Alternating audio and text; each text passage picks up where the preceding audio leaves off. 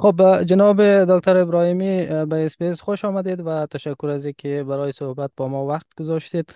ابتدا می‌خوایم میرا بپرسم که به عنوان یک هزاره و به عنوان کسی که در مورد تاریخ هزاره ها تحقیق کردید چی شباهت های را بین تجربه تاریخی هزاره ها و مردم بومی استرالیا می‌بینید؟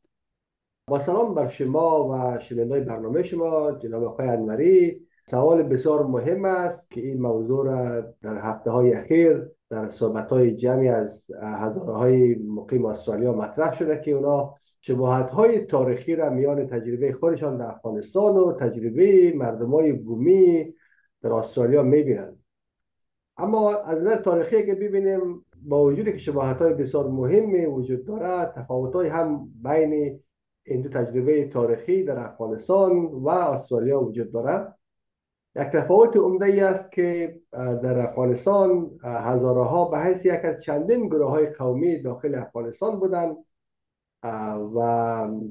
مثل مردم های بومی استرالیا اینا توسط یک گروه قومی یا نژادی دیگه از بیرون از افغانستان مورد استعمار قرار نگرفتند.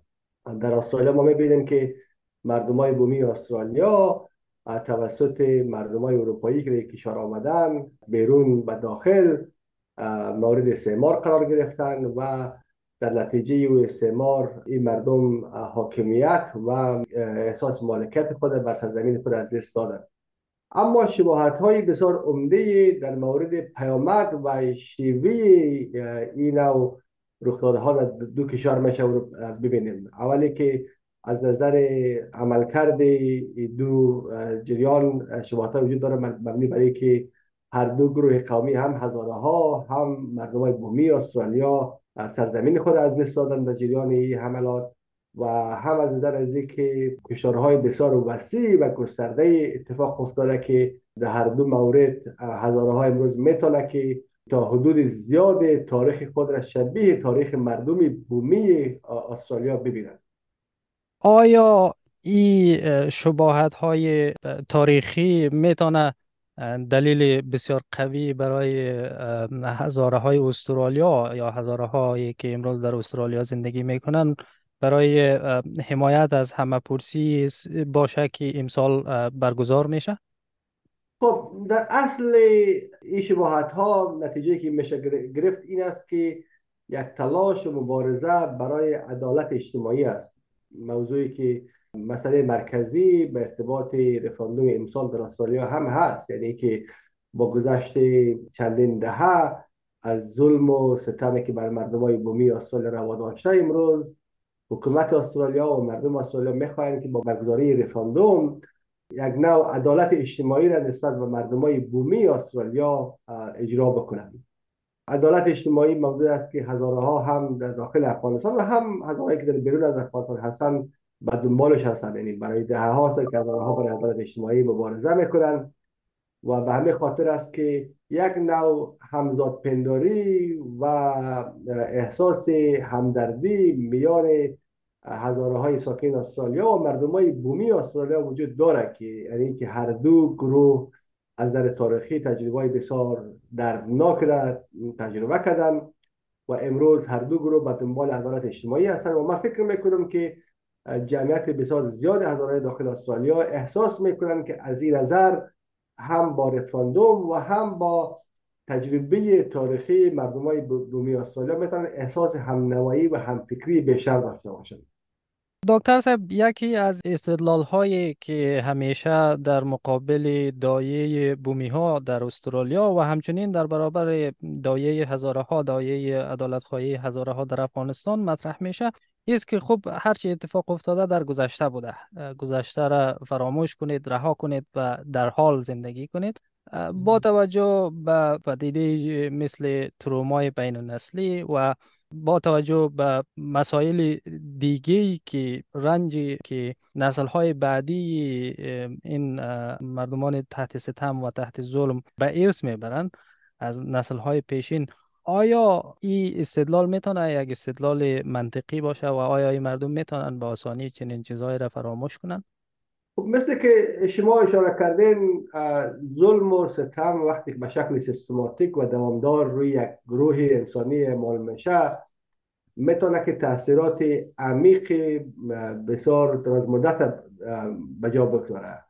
یک از تاثیرات مثل که شما اشاره کردین های چند نسلی هست که از یک نسل به نسل دیگه انتقال پیدا می‌کنه.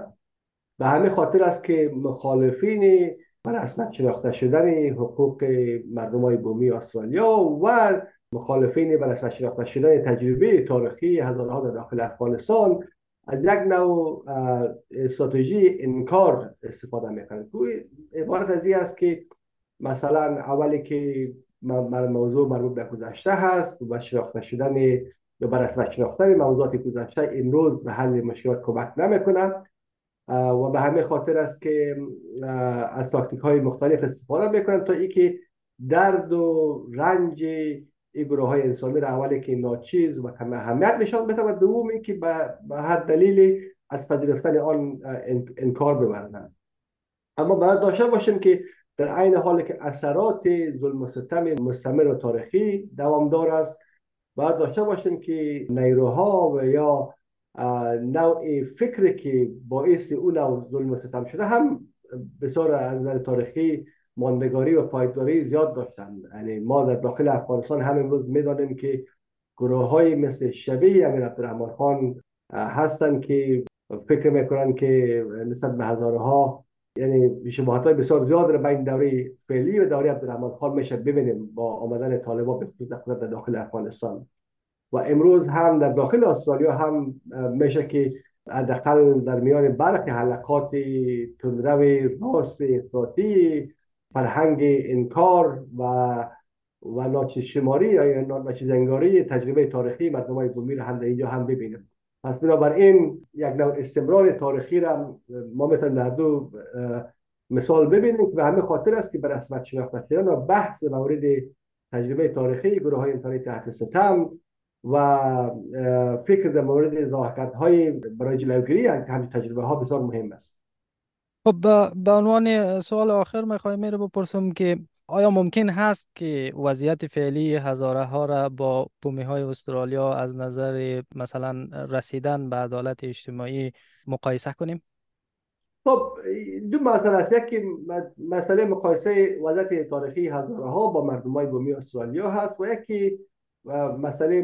مقایسه تجربه تاریخی افغانستان به حیث کشور و تجربه تاریخی استرالیا به حیث کشور است که در مقایسه دوم متاسفانه ما می‌بینیم که افغانستان نسبت به استرالیا سالیان بسیار دراز در پیش دارد برای اینکه یک نظام سیاسی موجود بیاره که اون نظام سیاسی نه تنهایی که از گروه های سیاسی مختلف افغانستان نمایندگی به شکل واضحی و واقعی انجام بده بلکه به دنبال از باشه که رنج و مصیبت هایی را که از تاریخی بر گروه های مختلف انسانی داخل افغانستان تحمل شده او را بخواهد جبران بکنه به همه خاطر است که فرهنگ سیاسی استرالیا با فرهنگ سیاسی داخل افغانستان تفاوت های بسیار زیاد داره که در دهه های گذشته کشور استرالیا یک نظام چند فرهنگی بسیار موفق را به وجود آورده که در این نظام چند فرهنگی صداهای مختلف تجربه های تاریخی مختلف نه تنها که با پیدا می‌کنه بلکه تقدیر میشه. عملا مورد تشویق و حمایت قرار می‌گیرد توسط گروه های سیاسی احزاب سیاسی داخل استرالیا. اما در افغانستان به خصوص با آمدن طالبان ما با یک برگشت تاریخی بسیار بزرگ مواجه شدیم که همچون صدا حالت آنهایی که به رسمت شناخته نمیشه بلکه عملا توسط ابزارهای سیاسی حکومت افغانستان تحت رهبری طالبان سرکوب میشه. دکتر صاحب ابراهیمی باز هم تشکر. تشکر از شما.